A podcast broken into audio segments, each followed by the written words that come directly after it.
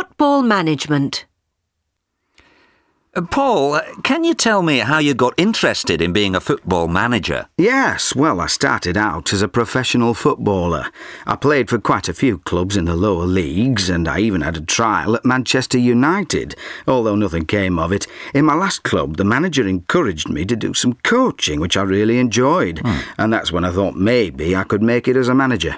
So, uh, what happened next? I started working for my coaching licence, and then I heard about a certificate in football management and applied for a place on the course.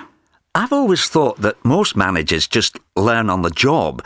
Were you not tempted to just give it a go anyway? Not really. I've seen so many managers come and go, and a lot of them, to be honest, weren't really that good at their job.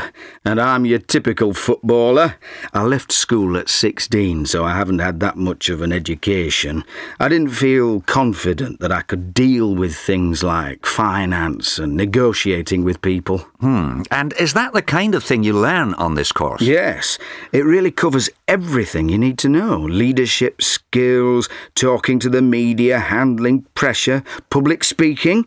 I've got a lot more confidence and I'm really looking forward to my first managerial job.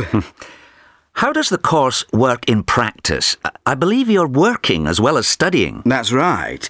After I got my coaching licence, I got a job as a coach with a second division team. It's no problem combining work with studying, though.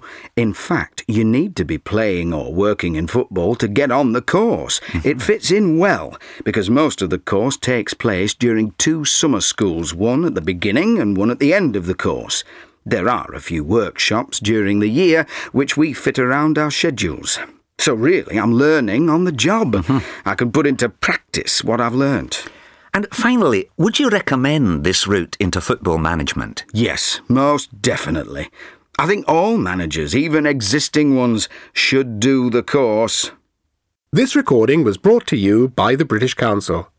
To find out more and to access language activities and audio scripts, visit our Learn English website at www.britishcouncil.org forward slash learn English.